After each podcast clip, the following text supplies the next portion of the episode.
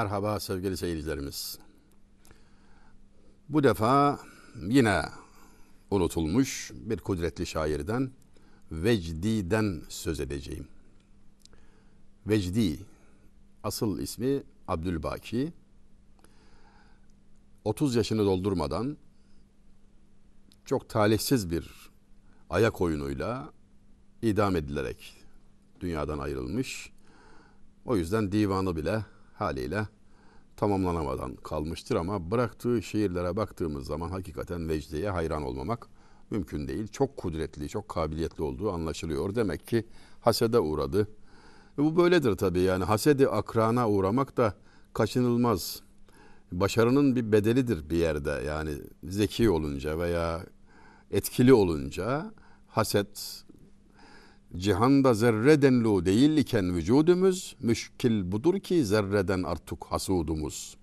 Şu kadarcık değiliz dünyada alemde yerimiz işgal ettiğimiz sahane ki cirmimiz ne ki ama şöyle bir müşkül var zerreler sayısından fazla hasetçimiz var.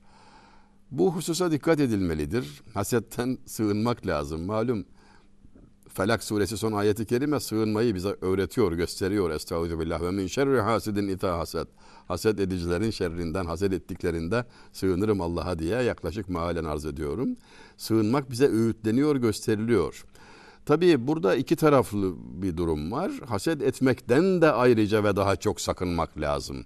Çünkü o öyle bir hastalık, öyle berbat bir baş belası ki e, ateşin odunu yakıp bitirdiği gibi, yiyip bitirdiği gibi haset iyiliklerinizi, sevaplarınızı bitirir diye hadis-i şerifle işaret var.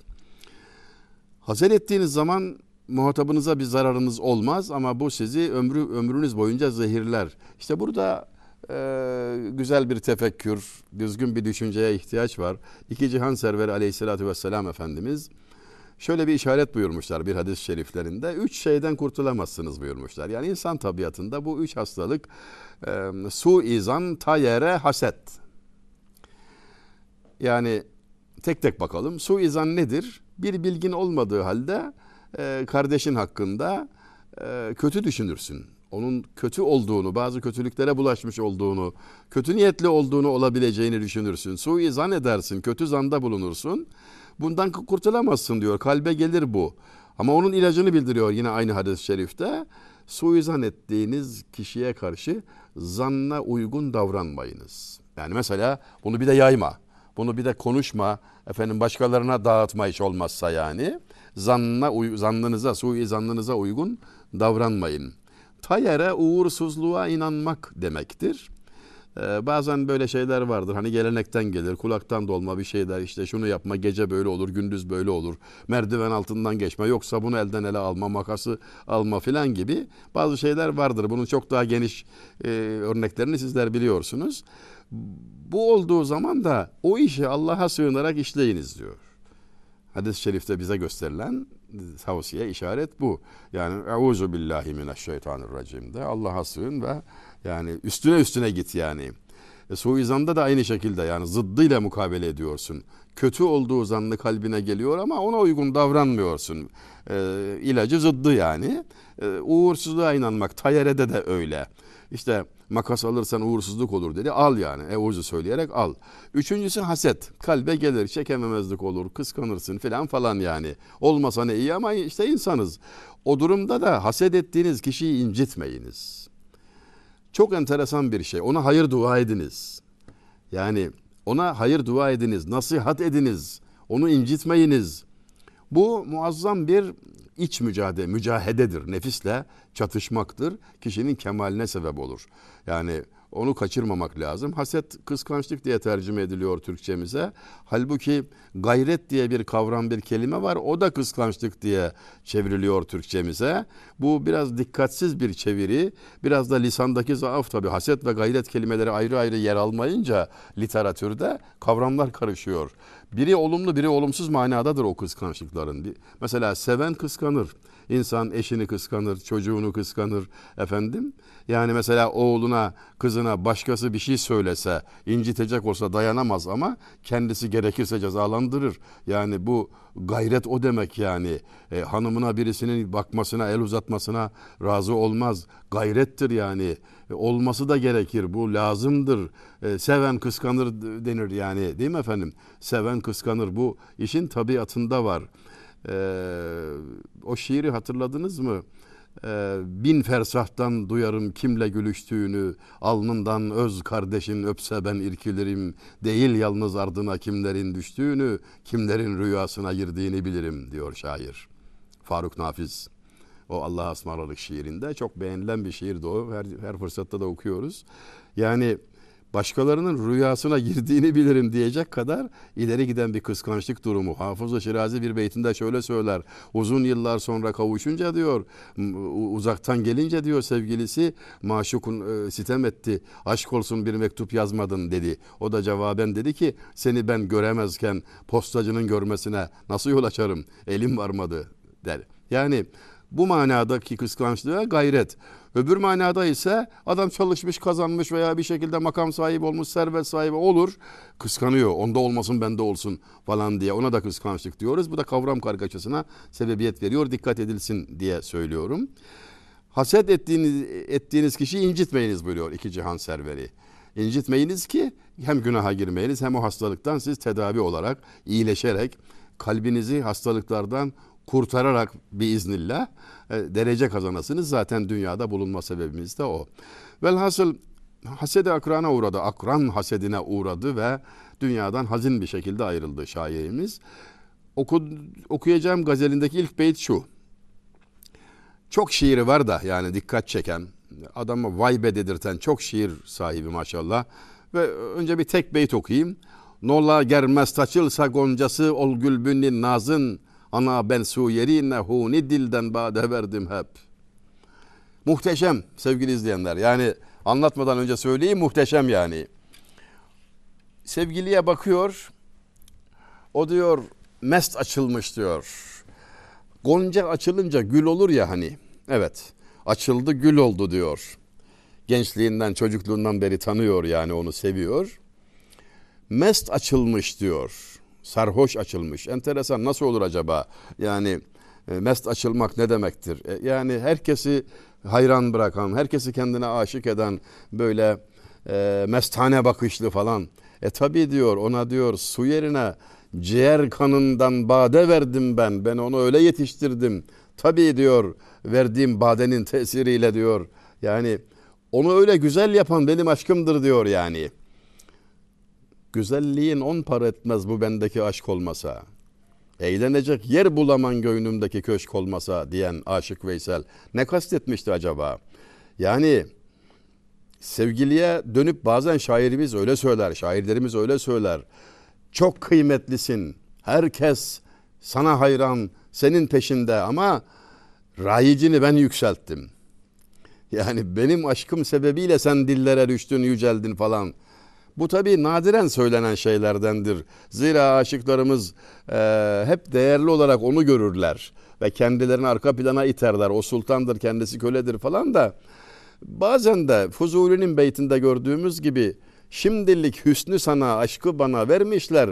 Ariyettir bu da cana ne senindir ne benim.''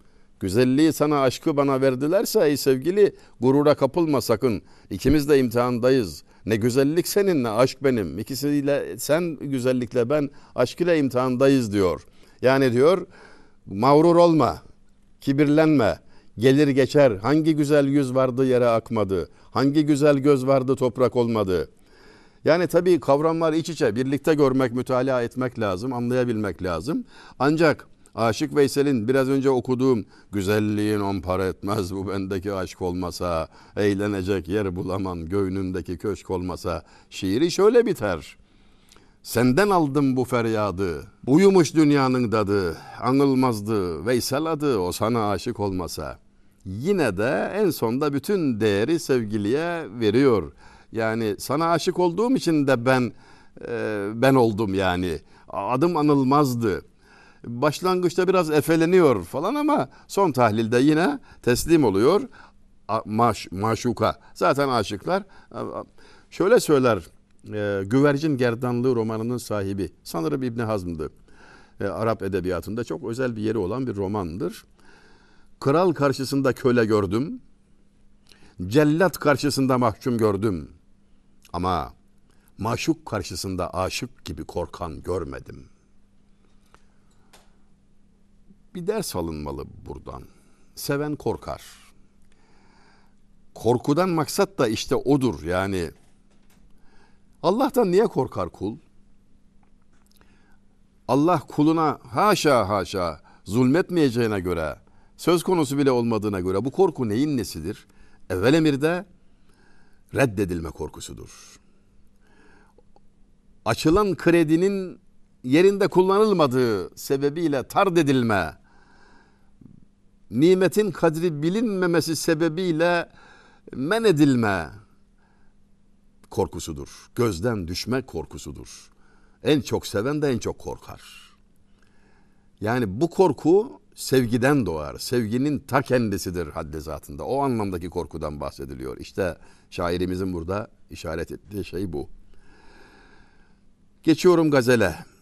Bir lahza beni bir gamı yar eyleme ya Rab. Bir şevki muhabbet dili tar eyleme ya Rab. Bu sineyi kim mahzeni derdü dili candır. Dünya gamına cayi karar eyleme ya Rab. Nevreste-i gülü al gibi eyle şükufte. Dağı dilimi köhne bahar eyleme ya Rab. Halet dihi aşk olmayacak cürası kalbe. Rıtlı meyi zevki dile bar eyleme ya Rab. Vecdiye nasip etmezi sen verdi visalin. Her dem anı azur de ihar eyleme ya Rab.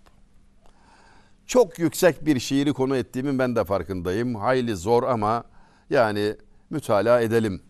Bunlar bizim mirasımızdır. Yani bizler bizler mirasçılarız. Şuradaki manayı bir miktar fark etmenin ne zararı var diyoruz yani. Ne zararı var? Böyle kolay kolay gayet basit şeyler söylememiz de mümkün ama gelin biraz da böylesine kudretli bir ustanın hissiyatına, o ülkeye bir seyahatte bulunalım yani. Bu bu bir gezintidir. Bu adam ne dedi yani, derdi ne? Dua ediyor bir defa. Ya Rab redifiyle yazmış. Allah'a arz ediyor. Bir lahza beni bir gamı ya reyleme ya Rab. İlk mısra. Yarın gamından beni bir an uzak etme ya Rabbi. Beni bu dertten bir an ayrı tutma ya Rabbi. Derde talip adam. Gama talip. Neden? E işte mesele orada. Mesele orada. Mutluluk eğlence demek değil. Bu öyle bir gam, öyle bir dert ki dermanı da bizatihi kendisi. Dün tabibe derdi dilden bir deva sordum dedi. Gam yemekten özge bu derdin devasın bilmedim. Ahmet Paşa. Gönül derdine bir deva sordum tabibe. Hani gideriz ya hasta olunca. Aşk hastası.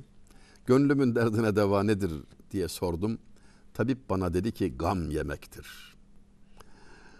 Ehli derd ol, ehli derd ol, ehli derd ol, ehli dert. Ey usuliden sual edip tesella isteyen. Usuli isimli muhteşem şairimiz de bana sordun ne yapayım diye tavsiyem şu dört maddeden ibarettir. Ehli derd ol, ehli derd ol, ehli derd ol, ehli dert. Dert sahibi olmayanı insan bile saymaz yani. Literatürümüz, geleneğimiz nasıl bir derttir? Temelde şudur yani. Sen hani Mesnevi Şerif'in başında Mevlana Hazretleri der ya e, sazlıktan kesilip gelen ney gibi dünyada inliyorum kulak verin dinleyin sözü bişnev inne için hikayet mikünet dinle demek bişnev yani dinle diyor. İnsanı kamili sözünü dinle. Nedir onun derdi? Allah ile dost oldu, onu tanıdı bezmi eleste ve dünya sahrasına gurbete düştü, hasret çekiyor. Ölümü nasıl anlattı şairlerimiz? İklimi ilahiye rücu etmek için ervah açılır engine yelken yelken. Yahya Kemal ilahi iklime geri dönmek için hatırlayalım ayeti kerimeyi. Estaizu billah. İnna lillahi ve inna ileyhi raciun. Muhakkak Allah'tan geldik ve yine Allah'a döneceğiz, ona döneceğiz. Yani dünya gurbetinde bu hasret vardır. Çeşitli şekillerde tezahür eder, görünür, uç verir, farkındalık ister, tatmak ister. İşte o derdi bana öyle ver ki ya Rabbi bir an boş bırakma diyor. Okuyalım Mısra'yı tekrar.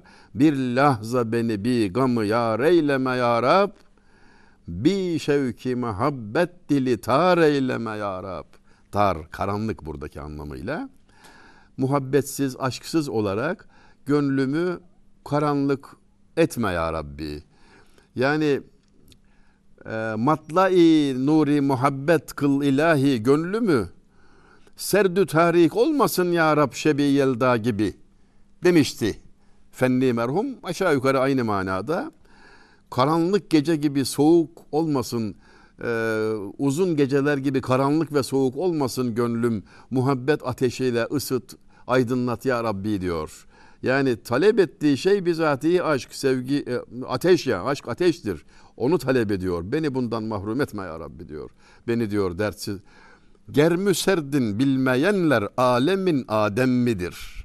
Demişti şair. Sıcağını soğuğunu bilmeyen, alemin sıcağını soğuğunu, yazını kışını bilmeyen, derdini gamını tatmamış olan adam mıdır diyor, insan mıdır diyor yani. Onun gibi yani talep bu. Ya Rabbi beni bir gamı yar, yar gamından mahrum etme bir an bile. Bir şevki muhabbet dili tar eyleme ya Rab. Muhabbet şevki olmaksızın karanlık bir halde olmasın gönlüm ya Rabbi. Bu sineyi kim mahzeni derdi dilü gamdır. Dünya gamına cayi karar eyleme ya Rab. Şimdi gama talip, derde talip ama dünya kam gamına, dünya gamına cayi karar eyleme ya Rabbi. Dünya gamıyla değil ya Rabbi diyor. Dünya derdine düşürme beni diyor. Ben ahiret derdi, ben Allah derdi istiyorum. Bana onu ver diyor. Yani benim gönlüm ki e, mahzeni derdi dilugam. Dert ve gam e, mahzenidir, e, hazinesidir gönlüm. Onu dünya e, derdiyle e, sınama, dünya derdiyle kirlendirme ya Rabbi. Hatırlayalım İmam Azam Ebu Hanife rahmetullahi aleyh. Ticaret yapardı. Hem de çok büyük çapta, geniş çapta ticaret yapardı. Talebelerinin de, onların ailelerinin de infak, iaşe, ibadete ondaydı yani. Bu enteresan bir şey. Hem onların hocası hem de onlardan hiçbir şey beklemediği gibi ticaretiyle, kazancıyla onları da ayrıca e, geçindiriyor. Uluslararası ticaret, deniz ticareti yapıyor. Ve bir gün şöyle bir haber geliyor kendisine. Hocam kusura bakmayın üzülerek bildiriyoruz ama işte ticaret geminiz batmış efendim bütün mallarıyla beraber filan. Gelen haberin karşılığı milyon dolar yani. Çok muazzam bir kayıp, ani bir kayıp efendim. Beklenir ki bir üzüntü olsun yani. Hayret. İmam-ı Azam Hazretlerinde hiçbir üzüntü alameti görülmüyor. Bir iki saniye kısa bir tefekkürden sonra elhamdülillah diyor. Neredeyse yani sevinçli bir haber almış gibi yani elhamdülillah. Zaman geçiyor. Haberin yanlış olduğu anlaşılıyor. Geminin döndüğü, e, hiç batma filan olmadığı, üstelik muazzam da kar olduğu bilgisi geliyor. Bu defa e, o zararın iki katı bir kazanç, dünyalık söz konusu. Aynı eda ile, aynı tavırla bu defa yine elhamdülillah diyor. Bu durumda mecburen soruyorlar artık yani gel de sorma. Efendim nasıl oldu diyorlar bu kadar zıt iki haber arasında aynı reaksiyon, aynı tepki. Ya şaşırdık yani. Ay, efendim cevap şu. Her iki haberde de kalbime baktım ben. Birinci haberde kalbimde üzüntü yoktu. ikinci haberde sevinç yoktu. Ben ona hamd ettim. Bakış açısına bakar mısınız lütfen? Yani ne geldi ne gitti değil. Finansal olarak neler olup bitti, ne kazandık değil. Bakılan yer, bakılan yer kalbe başka bir endişe girdi mi? İşte tam da bunu söylüyor şairimiz. Dünya gamına cayi karar eyleme ya Rab dua ediyor. Vecdi Abdülbaki Nevreste gülü al gibi eyle şükufte dağı dilimi köhne bahar eyleme ya Rab. Gön, gönül goncam diyor e, solup gitmesin. Gülün açılmasını nasip et ya Rabbi diyor. Açılsın diyor. Şerh-ı sadr. Bunun tasavvuf literatüründeki e, adı bu. Yani göğsün genişlemesi, şerh-ı sadr. Feyze açılması, efendim idrakin artması. Ötesini söyleyemiyorum çünkü kavuşmaya vabestedir. Yani kavuşursam söylerim sizden de gizlemem. Ama bu manevi bir haldir, bir makamdır, bir derecedir. E bunu e, sözle sözle yani eskitmenin de alemi yok. Sadece şiiri izah için mecbur kaldık. Böyle bir işaret var yani. E, böyle kalmasın. Ben şimdi kalınca ne olur? Şeyhülislam Yahya merhumun muhteşem bir beytinde görüyoruz onu. Ee, senk dendil kemmi ya sengi siyahı eder afitabı feyz bahşayı bülend ahter mi yok demişti merhum. Yani kara taş yakut oldu da kalbin taştan da mı katı senden bir şey olmuyor ey Ademoğlu diyerek manevi yolculukta geride kalmaktan men ediyor okuyucuyu, dinleyeni, talibi. Taş bile yakut oldu diyor, utan diyor, utan. Yani yükselmelisin diyor. Yüksel ki yerin bu yer değildir. Manevi kemalattan, manevi yükselişten söz ediyorum. Halet dihi aşk olmayacak cürası kalbe, rıtlı meyi zevkı dile bar eyleme ya Rab. Eğer diyor aşka dair bir kazanca e, bahis olmayacaksa, eğer ben manen terakki etmeyeceksem, e, bunu bana içirme ya Rabbi diyor. Yani o takdirde ziyan olur çünkü. Yani amelsiz ilim vebaldir derler duymuşsunuzdur. Yani öğrenmek eğer amelle tasdik edilmediyse, doğrulanmadıysa, söylem eylem haline gelmediyse yüktür. Ve son beyt vecdiye nasip etmez sen verdi visalin her dem anı azurde ihar eyleme ya Rab.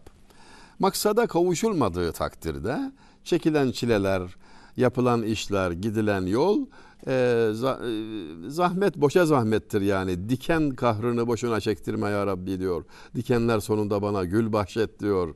Şimdi Veysel Öksüz isimli şairimiz 1993 yılında vefat etmişti. Konyalı. E, aşkı anlatmazsa öksüz bunca tahmis kıylı kal diyor. Uzun harika bir tahmisi var Yahya Kemal'e. Yani 25 mısradan sadece birinde artık en sona doğru kıtada son kıtada yer alıyor. Mahlası da orada. Aşkı anlatmıyorsa diyor eğer aşka dair değilse bu sözlerin yaptığın bunca kelam da boştur diyor yani. Aşkı anlatmazsa öksüz bunca tahmis kıylukal dedikodu yani değmez yani boşuna yapıyorsun. Aşka kavuş diyor. Tabi bu ya Rabbi beni mahrum etme demenin öksüzcesi. Burada da vecdicesine bakıyoruz. Vecdiye nasip etmezi sen verdi visalin kavuşma gülünü nasip etmezsen ya Rabbi Allah saklasın. Tabi bunu korku içinde söylüyor. Her bana azur deyi. Har eyleme ya Rab. E, boşu boşuna e, dikenlerle uğraştırma beni ya Rabbi diyor. Bir gül için bin dikene su verilir. O kadar ızdırap, niye çekilir? O kadar çile niye çekilir? Bu kadar yatırım niye yapılır? Ömür niye harcanır? E bir güle kavuşmak için arızun yağdıyla nemnak olsa müjganım nola. Zayi olmaz gül temennasıyla vermek haresu demişti Fuzuli. Yani kirpiklerim diken gibidir. Gözyaşıyla onları ıslatıyorum ama bu zarar değil çünkü binlerce dikene bir gül hatırına su verilir ve bu asla ziyan sayılmaz, ziyan kabul edilmez. Bu zarar değildir. Kavuşacağın gülün kıymetini bildiğin zaman dikenler sana acı vermez. Bilakis zevk vesilesi olur, neşe vesilesi olur. Behişti merhum demişti ki o da Süleyman Kanuni Sultan Süleyman dönemi şairidir. Behişti cennetlik demek seçilen mahlasa da bak yani. Ayağına diken batsa Mecnun'un Leyla'nın köyünde civarında evinin karşısında falan şikayetlenmek şöyle dursun oralarda biraz oyalanmaya vakit buldum diye sevinir diyor. Yani dikeni bahane ederek sevgilinin muhitinde biraz daha kalmaya e, sevinir. Bu onu ancak bahtiyar eder diyor. Yani çekilen beladan haddi zatında Hak Teala'ya rücu ona yönelme dua fırsatı doğdu diye sevinmenin şaircesidir işte bu. Vesselam.